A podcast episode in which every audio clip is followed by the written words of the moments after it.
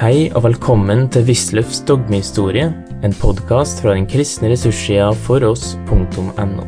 Med gjennomgang av Den kristne kirkes dogmehistorie av tidligere professor ved Menighetsfakultetet, Carl Fredrik Wisløff. I denne timen vil jeg eh, forsøke å peke på de forskjellige tidsavsnitt innenfor vårt tidsrom hvor det har presentert seg en uh, ny teologisk impuls.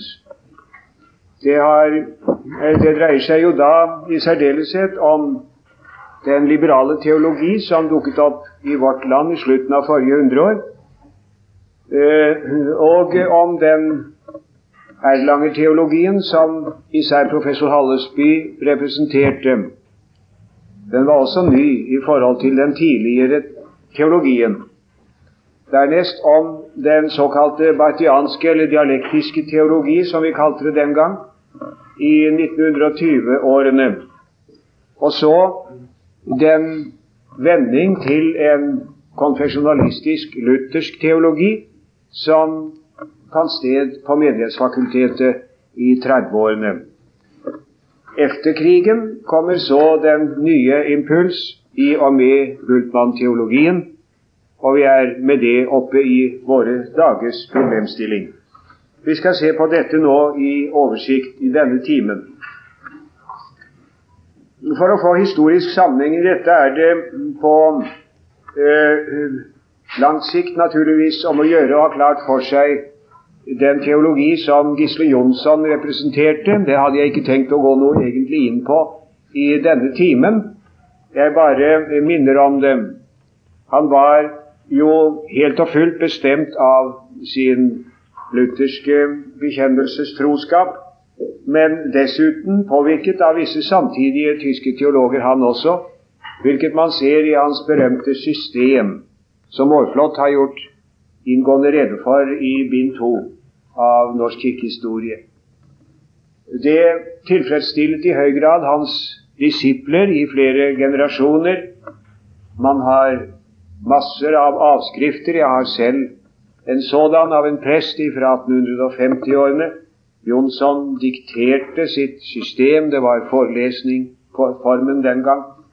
Og man var tiltalt av det og tilfredsstillet ved det i flere generasjoner. Han preget sine elever meget sterkt. Overgangsleddet er professor Fredrik Pettersen, som jeg skal vende tilbake til i en senere time. På ganske kort bakgrunn er det nødvendig å være oppmerksom på den åndssvingning som, fant, som fant sted i 1890-årene. Det var fin de som det het, slutten av, av seklet. Og man merket da en tydelig vending i interesseområdet. Det var plutselig interessant igjen med religion og metafysikk. Det hadde man ikke kunnet snakke om i opplyste menneskers nærvær få år i forveien, men nå gikk det plutselig an igjen. Og dikterne aner en religiøs dimensjon i tilværelsen på en måte som ikke hadde vært tilfellet på meget lenge. Man ser det især hos eh, Arne Garborg. Jeg vil nevne han som mest typisk. Jeg har nevnt det her på side 112 og utover. Arne Garborgs bidrag til eh, den teologiske diskusjon er også nevnt der. Hans bok 'Trette menn', som Gustav Jensen sa, det er en moderne utgave av Predikerens bok i Det gamle testamentet. Og hans uh, andre skrifter, ikke minst da om Jesus Messias og den bortkomne Messias. Selv om en ikke skal dømme så hardt som Thorvald Klavenes gjorde, at det er seminaristen Garborgs flate referat av tyske bøkers snusfornuftige lærdom, teologisk kjedsommelighet fra først til sist, så er det i hvert fall det sikkert at det er ikke noe originalt bidrag, det kunne man ikke vente. Det er i høy grad påvirket av samtidig eh, teologiske tanker, populære, populærteologiske, liberale opplysningsskrifter som han har, som han har eh, lest og reproduserer. Men den egentlige liberalteologi den kom da i 1890-årene. Man kan ikke plassere Fredrik Pettersen der. Det ville være en historisk feilaktighet, mener jeg. Det betydningsfulle ved Fredrik Pettersen, som overtok etter ordning efter, efter Gisle Jonsson, det var jo hans åndsinnstilling, som på en ganske annen måte enn Jonsson var åpen overfor det nye i tiden.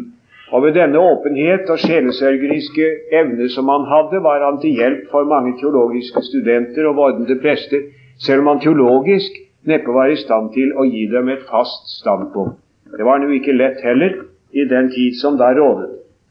Men så kom den nye teologi, som man kalte det, nemlig den liberale teologi. Og det er da om å gjøre å bli klar over hva man mener når man sier liberal teologi. Pga. Eh, kirkestriden som har rast hos oss, er liberal teologi nærmest blitt i manges bevissthet ensbetydende med rasjonalistisk teologi i all alminnelighet. Eh, Hallesby definerte det som en teologi som tolker Skriften sånn at den kommer i strid med bekjennelsen. Det er hans berømte definisjon av hva liberal teologi var for noe. Men eh, historisk sett er den liberale teologi en eh, bevegelse, en retning, i, på 1800-tallet og eh, 1900-tallet som har en eh, forholdsvis sluttet karakter. De enkelte teologer er ikke, er ikke lik hverandre. Det er ikke noen monolittisk bevegelse på noe vis, men det er dog en bestemt impuls og et bestemt grunnsyn. Jeg har, jeg har nevnt det her eh, på side 115 utover, og jeg vil også vise til det som jeg har eh, skrevet om eh, Johannes Ording, som var den første eh, dogma, dogmatiker, liberale dogmatiker i vårt land. 115 eh, følgende og 155 og følgende vil man finne litt om det. Det eh, essensielle ved den liberale teologi er eh, dens eh, apologetiske innstilling, mener jeg. Det er en teologi som har hele tiden det moderne menneskets religiøse behov for øye.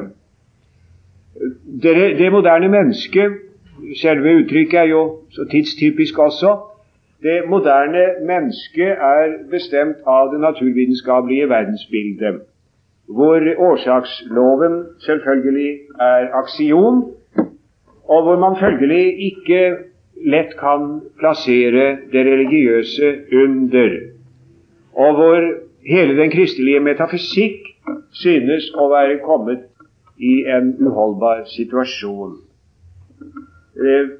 Derfor kan det moderne mennesket ikke fastholde kristendommen lenger som en realitet. Den taler om en masse ting som ikke er forenlig med et naturvitenskapelig fundert livssyn. Det var utgangspunktet. Og så ville den liberale teologi vise at rett forstått så kunne allikevel kristendommen ha veldig mye å si det moderne mennesket. Det gjelder bare å forstå den riktig. Man må da, hete, skjelne mellom det blivende i kristendommen og det historisk tilfeldige. Eh, og det var i neste omgang gjerne identisk med forskjellen mellom dogme, som man måtte forstå religiøst, slik at man ikke fastholdt det bokstavelig, og dogmets religiøse kjerne, det det egentlig ville si. Og det var dette det gjaldt å få tak i. Man tok da ikke utgangspunktet i selve den, i den eh, kristelige åpenbaring i Bibelen, men i det moderne menneskes virkelighetsforståelse. Mest utpreget finner vi hos oss eh, eh finner vi i eh, den liberale teologi hos teologer som eh, Adolf von Harnack. Det var vel den mest eh, konsekvente av dem. Adolf von Harnack var en kjent historiker, fremragende sådan. Hans behandling av tekster er fenomenal. Hans viden helt encyklopedisk. Hans store verk, Lehrbuch der Dogmengeschichte, kommer ingen forbi til denne dag, faktisk. Eh, men eh, hans eget grunnsyn er en helt annen sak. Han så eh, dogmehistorien som et resultat av den greske ånds innvirkning på den opprinnelige kristendom. Kristendommen er blitt helenisert, sa Harnak. Han var ikke den første som sa det. Allerede på 1600-tallet begynner man å snakke om dette, at, at da den greske filosofi kom opp i, i, i tankegangen, i den litterære behandling av kristendommen, så skjedde der en veldig forandring. Men det var Harnak som ikke minst har gjort dette til et forskningshistorisk program. En helenisering av kristendommen. Og da blir det senere slik ut at Jesu opprinnelige evangelium er én ting, og Paulus' kristendom med evangeliet om Jesus noe helt annet. Det er med Jesus er én ting, Paulus noe rent annet. Det kan man jo møte ennå det i sånne populærteologiske fremstillinger. En eller annen journalist eller forfatter som har fått tak i en bok. Det er jo sånn det skjer ennå stadig. Man finner en bok et eller annet sted, en nyere eldre dato. Den kan være gammel selv om trykkåret er nytt, for autor har ikke noe nytt å komme med. Han reproduserer bare noe gammelt. Det er meget ofte. Og så får en eller annen uh, publisist ha tak i dette her, sluker det rått, med briller og bart. Og i neste øyeblikk så står det da en artikkel i et tidsskrift eller i en, uh, en dagsavis om Kirkens uredelighet, som ikke bøyer seg for dette. Det er jo noe som man er veldig vant til å se, ikke minst i norsk uh, åndsliv. Men det som var det da, eh, det som Harnak egentlig mente var den opprinnelige kristendom, det var Jesu evangelium, sånn som Jesus hadde forkynt dem. Og mente Harnak, da i det opprinnelige evangelium hørte ikke uh, budskapet om Kristus hjemme. Sønnen forkynte ikke seg selv, han forkynte, forkynte bare Faderen. Ikke Jesus, Guds sønn, hører hjemme i det opprinnelige evangelium, men bare Faderen. Det ble da en ganske enkel uh, Gud Fader-tro med sterk vekt på etikken. Overhodet har den liberale teologi alltid lagt sterk vekt på det moralske synspunkt. Det hadde sammenheng med, naturligvis, at den erkjennelsesteoretisk sett hadde Immanuel Kant til bakgrunn. Da kom hans kategoriske imperativ også inn i bildet ganske straks. Nå må vi imidlertid ikke tenke at de liberale teologene gikk like langt i så måte alle sammen. Eh, F.eks. her i landet var det ingen som gikk så langt, ingen som vi tar alvorlig da i ethvert fall, som gikk så langt som, eh, som Harnak. Eh, de mest kjente liberale teologene her i landet var meget moderate. Og det gjelder ikke minst den som i folks bevissthet sto som lederen, nemlig Lyder Brun, professor i Nytestamentet. Uh, hans personlighet skal jeg ta for meg, disse menns person i det hele tatt, skal jeg ta for meg en annen time, i en annen time. Her gjelder bare å få litt greie på deres, uh, deres syn. Uh, Lyde Brun bekjente seg helt og fullt til liberale grunnsyn, og skjelnet også han mellom det blivende i evangeliet og det historisk tilfeldige, på den måte som jeg her har nevnt. Men han var meget forsiktig og gikk ikke, ikke langt. Han hadde f.eks. plass for Jesus i sine bønner. Det vil ikke si at han fastholdt dogme om jomfrufødselen og Kristi guddom i kirkelig forstand. Det gjorde han ikke. Og dog var Jesus eh, guddommelig i den forstand at han ba til ham. Han hadde en plass i hans bønner. Eh, disse nye liberalteologene de kom da i løpet av 1890-årene.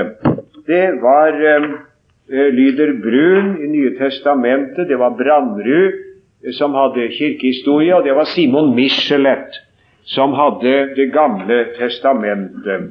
Jeg har nevnt litt om disse fra side 124 og utover. Eh, de eh, var alle sammen eh, glimrende begavede menn. Lyder Brun da ikke minst. Det var veldig vanskelig å få rekonstruert Det teologiske fakultet den gangen, sånn at han da han ble utnevnt til professor, var han 27 år gammel og hadde i grunnen ikke skrevet noe nevneverdig. Trygt var, så vidt jeg har kunnet bringe på det rene, bare fire foredrag som han hadde holdt på et prestekurs. Men man var ikke i tvil om hans glimrende begavelse.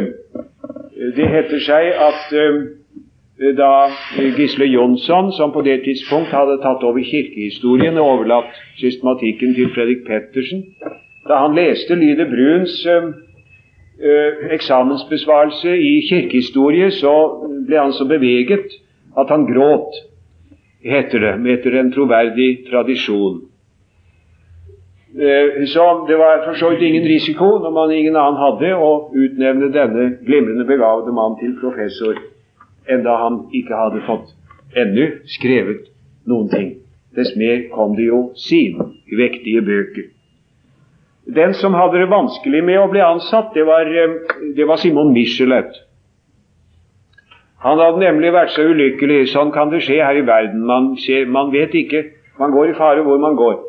Og han hadde altså vært i Tyskland og der hørt en forferdelig historie uh, fortelle om uh, norske venstrepolitikere. Uh, de skulle ha nemlig ha mottatt bestikkelse fra Russland. Russiske rubler. Selvfølgelig vrøvl alt sammen. Men dette trodde da Michelet og skrev det til en privatmann i Trondheim.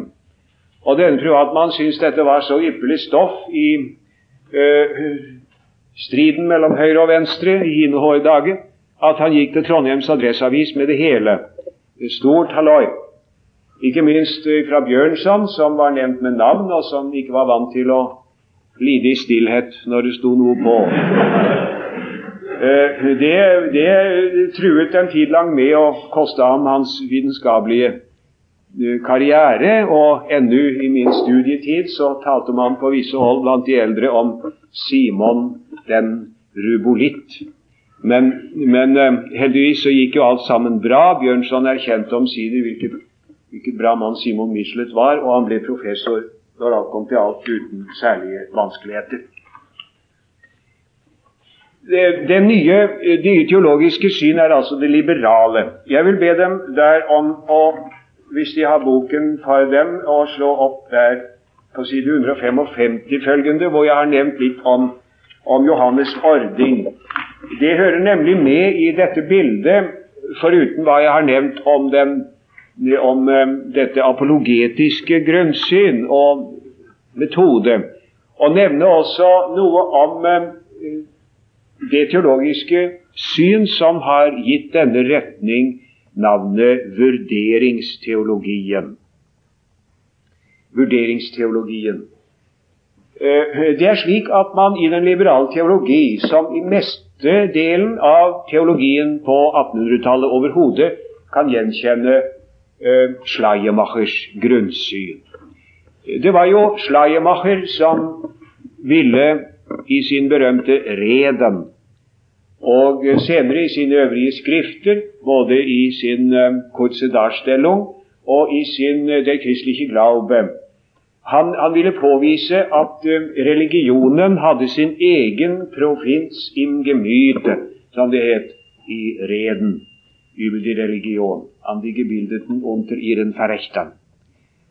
Uh, man kan ikke si at et religiøst utsagn er, er, er galt. For har, religion har nemlig sin egen provins i sjelelivet. Det uh, hører hjemme i følelsen. Det verdifulle med religionen er at den hører hjemme i menneskets følelse, og er følelsen av absolutt avhengighet av det guddommelige, Slechthiniges Abhängigkeitsgefühl. Og Dette er en verdi i seg selv, og kan derfor ikke gjøres ugyldig ved overveielser ut fra fysikk eller matematikk. Det, har, det, det, det mennesket som opplever dette, må vurdere det som en religiøs verdi. Og dette hadde da eh, andre tatt opp, og der kommer i særdeleshet Albrecht Ritzel i betraktning. Albrecht Ritzel er i begynnelsen av vår periode her det store dogmatiske lys, teologiske lys. Det er en mann altså hvis, hvis, hvis navn dominerer totalt, kan man trygt si. Ikke minst her hos oss, hos alle som legger vekt på å følge med. Det skifter fort her i verden. Men Den gang var det altså Albrecht Ritschel. Og hans øh, syn gikk ut på det at man må skjelne mellom øh, værensdommer og verdidommer, som han sa. Øh, Seinsurteile og vert ordteile. En øh, metafysisk dom om at noe er sant eller galt, det er en Seinsurteil. Men de religiøse utsagn har ikke denne karakter. De er verdidommer. De uttaler noe om tingens personlige og subjektive verdi. Eh, samtidig så avvises da enhver autoritetstro. Og den som her i landet mest utpreget har fulgt Albrecht Ritzel, det er Johannes Orting som gav støtet til den store kampen om den liberale teologi, og dermed indirekte støtet til at Menighetsfakultetet ble opprettet.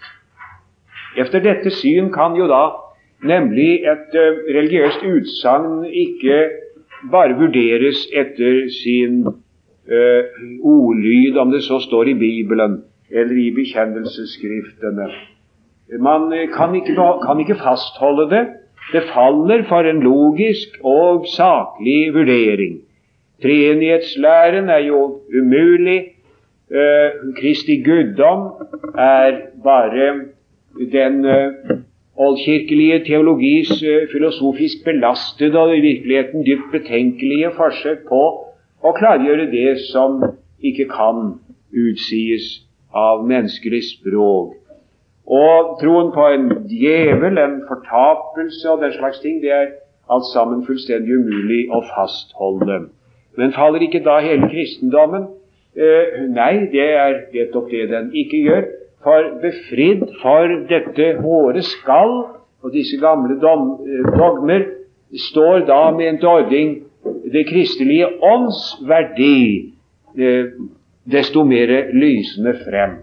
Og når det skulle klargjøres hva det bestod i, så ble det egentlig en enkel Gud Fader-tro. Det ble en forsynstro. Det ble ikke minst et etisk imperativ. Alltid eh, moralen som hadde veldig stor betydning for de liberale teologene. De kamper som da uh, dette førte til, skal vi her ikke Eh, beskjeftige oss med. Det skal jeg ta opp i en annen time for å få sammenheng i tingene. Men vi går her videre, og eh, jeg vil da få peke bare i korthet på den teologi som også var ny, nemlig den såkalte opplevelsesteologien med uh, Ole Hallesby, især han. Hallesby var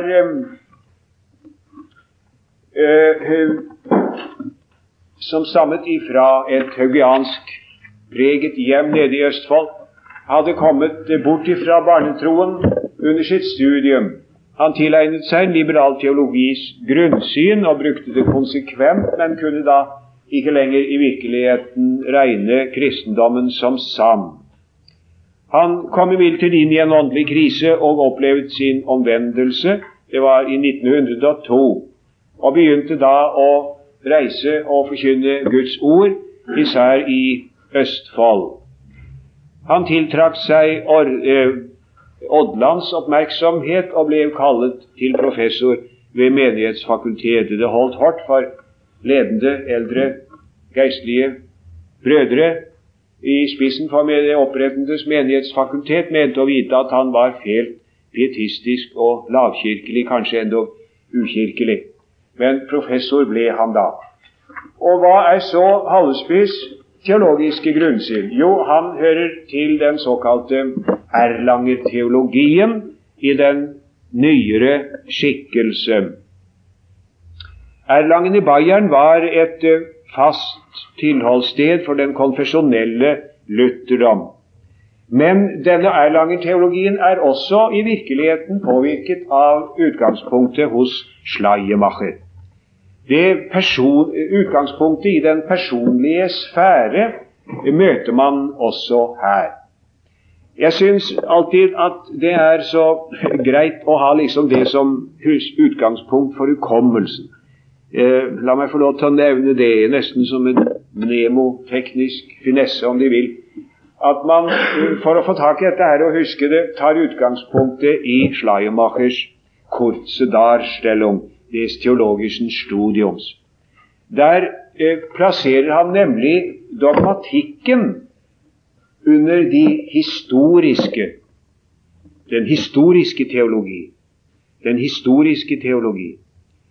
Eh, den er nemlig ikke en normativ vitenskap.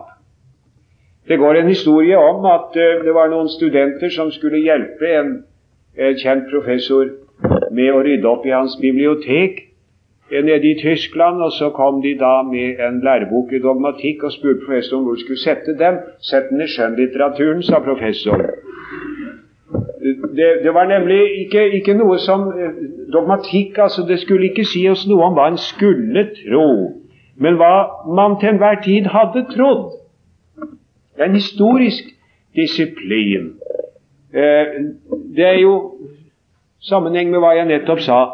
Eh, ikke Seinsurteil, ikke metafysiske dommer om en tings vesen, men Werturteile om dens betydning og verdi.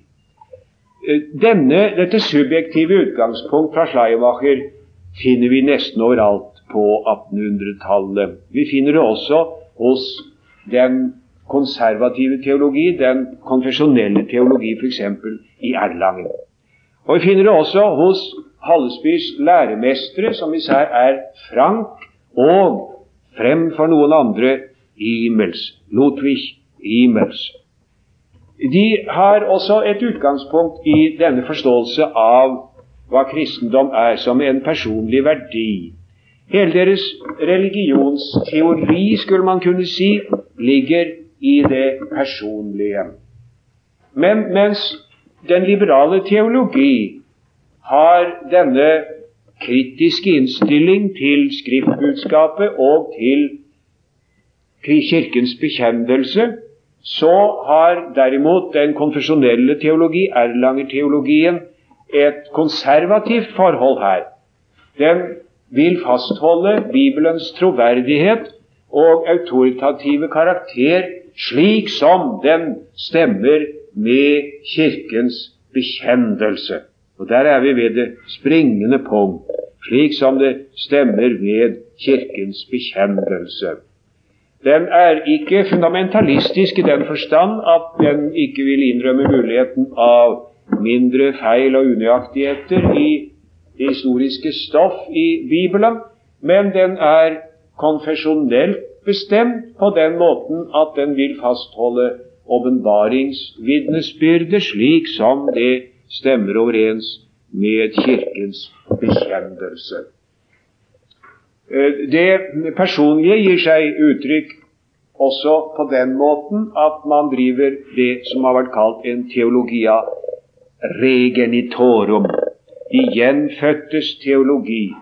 Det er bare de gjenfødte som kan drive teologi. Et ugjenfødt menneske uten åndelig opplevelse og erfaring forstår til syvende og sist ikke den åndelige sannhet i dette, og vil før eller senere prøve dette i sin fremstilling. Teologia regenitorum betyr altså de gjenfødtes teologi i betydningen av at det er bare de, bare de gjenfødte som sant og rett kan drive teologisk arbeid. Når da en teolog av denne innstilling skal drive teologi, så besinner han seg på dels skriftvitnesbyrdet, som han finner det i Skriften, dels på Kirkens vitnesbyrd, slik han finner det i bekjendelsen, og dels, og i grunnen først, på sin egen trosopplevelse som en kristen. Hallesby hadde alltid dette dobbelte siktet med skriftvitnesbyrdet og den personlige trosopplevelse og erfaring i, i tilegnelsen av, av dette. Hallesby var derfor altså ikke hva man kaller fundamentalist, i den mening at han mente det fantes ikke noen feil i Bibelen på noe punkt. Han mente at i det historiske stoff kunne det tenkes, og var det også faktisk, mindre feil og misforståelser. Han regnet nemlig inspirasjonen for å være, som jeg har sitert her på side 306, en uh, potensering av det religiøs-etiske erkjennelsesliv til en normativ erfaringsforståelse av åpenbaringen i Kristus. Det er på side 306 det er veldig viktige ord der for å få tak i Hallesbys syn. Og Det stemte også i grunnen med Odlands syn på Bibelen. Odland skrev om dette i 1893. Og eh, jeg har nevnt det også der jeg taler om, om Odland. Han eh, ville ikke fastholde de gamle lutherske dogmatikeres lære om eh, inspirasjon og autoritet. Jeg mente det, det, det, var, det var, ikke holdbart. Verbal inspirasjonen, var ikke holdbart. Vi, vi tror på Bibelen fordi at uh, den troende menighet har formidlet uh, budskapet til oss på en sånn måte at vi er kommet til troen. Det skjer først. Og ut fra det kommer vi til å erkjenne Skriftens sannhet, mente Odland. Eh, skriftens autoritet er i grunnen et postulat ut fra den troende bevissthet om å ha fått åpenbaringsvitnesbyrdet i den troende menighet. Etter min mening er det her å konstatere også en, noen, et streif av grundtvigianisme hos, hos, eh, hos Odland. Eh, etter Grundtvig er det jo ikke Bibelens autoritet først og fremst som er det avgjørende, men det er Kirkens. Det er det levende ord som lyder i menigheten ved døpefont og nattverdbord og i forkynnelsen. Det er det primære, det er det avgjørende. Det er litt av det også hos Odland, faktisk. Men hans grunnsyn er som hos Hallesby. Det er først og fremst åpenbaringsvitnesbyrdets autoritet som står urokkelig fast, og eh, man griper dette ut ifra en personlig trosoverbevisning og trosopplevelse. Disse to eh, syn var det da som, eh, som sto imot hverandre her i landet.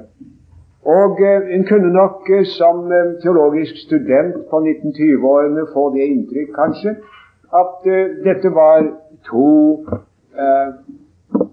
kontradiktoriske motsetninger, helt og fullt som det egentlig ikke fantes noe tredje mulighet til. Ikke noe, det, det, det, det var liksom sånn.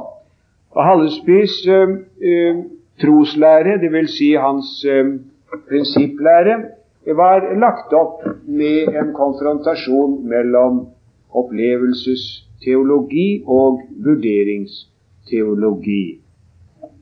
Men så, i eh, 1920-årene, så kommer det en helt ny impuls igjen. Og det er den dialektiske teologi, som han kalte det den gang. Det er stort sett det er Karl Barth som gjør sin entré også på den norske scenen. Det begynte kanskje med Rudolf Otto, hans bok 'Das Heilige'. Han fremhever helligheten som grunnbegrepet i religionen. Eh, den religiøse opplevelse er eh, følelsen av å stå foran den hellige, foran det hellige, eh, som på samme tid inngyr eh, angst og virker lokkende. Mysterium tremendum et fascinosum. Men så kom Karl Barths skrifter, og de vekket jo enda mye sterkere naturligvis enn dette nærmest religionshistorisk pregede opplegg hos Rudolf Otto. Den første utgaven av Rømer Brief kom i 19. Eh, I 22 kom den andre sterkt omarbeidede utgave, og det var denne som især slo an. Eh, nå eh, kom det i grunnen gikk det i grunnen en del år før det ble noe tale om dette her i Norge. Det går i grunnen alltid sånn. Det varer lenge før det kommer hit, og, men, men, men da, da, får vi det jo ofte nokså hardt også når det kommer. Det kan man vel kanskje ikke si at det gjorde her. Er vanskelig å vurdere. Men vi som eh, studerte teologi omkring 1930, hadde jo følelsen av at store ting var i ferd med å skje, men vi hadde ikke lett for å orientere oss akkurat. Det som var det nye hos Karl Barth, var hans eh, protest imot den religiøse subjektivisme. Vi, vi merket der en fullstendig eh, protest og voldsom avstand ifra all teologi, skal man kunne si, på 1800-tallet, ja, enda lenger tilbake. Han eh, regnet eh, så Schleiermacher ble nærmest et, et skjellsord. Det verste man kunne si praktisk talt, det var Schleiermacher. Og Ritschels teologi er, var jo også ren subjektivisme den eh, liberale teologis interesse for det religiøse mennesket var ikke noe annet enn hybris. Det var et slagord som man lærte å bruke, akkurat som noen årtier senere f.eks. Ja, hva skulle man nevne? Angst eller kerigma. Men her var det da eh, dette som var det store ord. Det gjaldt å distansere seg helt og fullt ifra den religiøse, religiøse menneskes hybris, som ville bygge sitt, sin religiøse, streb, religiøse strebens Babelstårn mot himmelen. Og det mente Barth det her er i like høy grad den liberale teologi og den subjektivistiske pietisme under samme dom. Det er to alen av samme stykke, mente han. Og eh, det var det jo mange her som grep ganske fort hjemme hos oss. Jeg skal komme tilbake til det i annen sammenheng, men la det være antydet. Man kunne på den måten, følte man, være ortodoks uten å være enig med Hallesby. I virkeligheten var Hallesby ikke skikkelig ortodoks, for han var også han en eksponent for 1800-tallets religiøse subjektivisme, lærte man da å si og tenke. Eh, Barths store ord er, var den absolutte forskjell mellom Gud og menneske. Man eh, kjente noe av den reformerte teologis eh, non capax infinity. Finitum non est capax infinity. Man merket noe av denne patos i hans teologi, i hans skrifter. Og det var især hans eh, mindre skrifter som virket så sterkt. Åndshistorisk er nok sammenhengen ikke særlig vanskelig å forstå. 20-årene og 30-årene er tiden da en generasjon gjør opprør. Det er især tre ganger i vårt tidsrom at vi har opplevd eh, hatt en han har hatt en veldig sterk følelse av generasjonsmotsetning. Eh, generasjonsmotsetning er jo en merkelig sak. Det er egentlig ikke Det blir ofte sagt at det er noe som hører menneskelivet til og er helt naturlig. Det er ikke uten videre sant, naturligvis. Eh, sosiologisk sett vil man kunne finne tilstander i primitive, stillestående kulturer hvor man egentlig ingen følelse har av motsetning mellom generasjonene. Det har i hvert fall en totalt annen karakter enn det som vi regner som generasjonsmotsetning i altså en stillestående kultur. Men i en som er i rask utvikling, er det helt annerledes. Og især i perioder hvor man har en følelse av at kulturutvikling og åndsutvikling skjer i store, hastige sprang, der er følelsen av generasjonsmotsetning sterk. Og det har i vårt tidsrom især vært tilfellet tre ganger.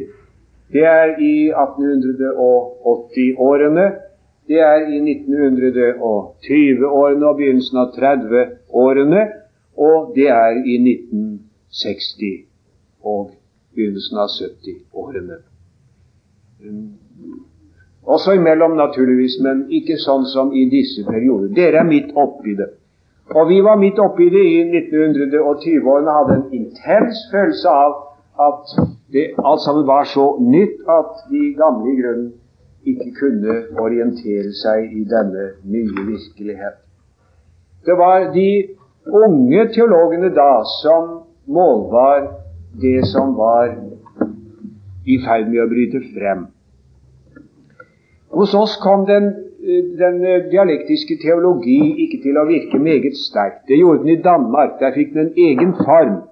Tideverv, som ennå består som en retning, men i nokså forstenet skikkelse, var da nytt og gjærende og merkverdig. Det var unge teologer som hadde grepet nettopp dette antihumanistiske, antisubjektivistiske, antipietistiske i Barths grunnsyn på en meget utrert måte. Barth skal en gang ha vært spurt om hva han mente om den danske bartianismen, og skal da ifølge Grønniken ha svart en sånn eine sehr merkwürdige Bewegung sein». Så han vil ikke ha noe ansvar for den. Men helt fri var han vel ikke. Og der nede var jo motsetningene aldeles forskrekkelige. De første årgangene av tideverv er jo aldeles proppfulle av til dels perfide angrep på alle autoriteter. Tenke seg Skovgård Pettersen og Olfert Vikar og Henry Ussing og hva de het, disse som vi så, så opp til for deres bøker og deres forkyndelse. Det var bare til å kaste i søppelkassen. Du har nå hørt Wisløffs dogmehistorie. Finn flere ressurser og vær gjerne med å støtte oss på foross.no. Følg også gjerne noen av våre andre podkaster, f.eks. Table Talks.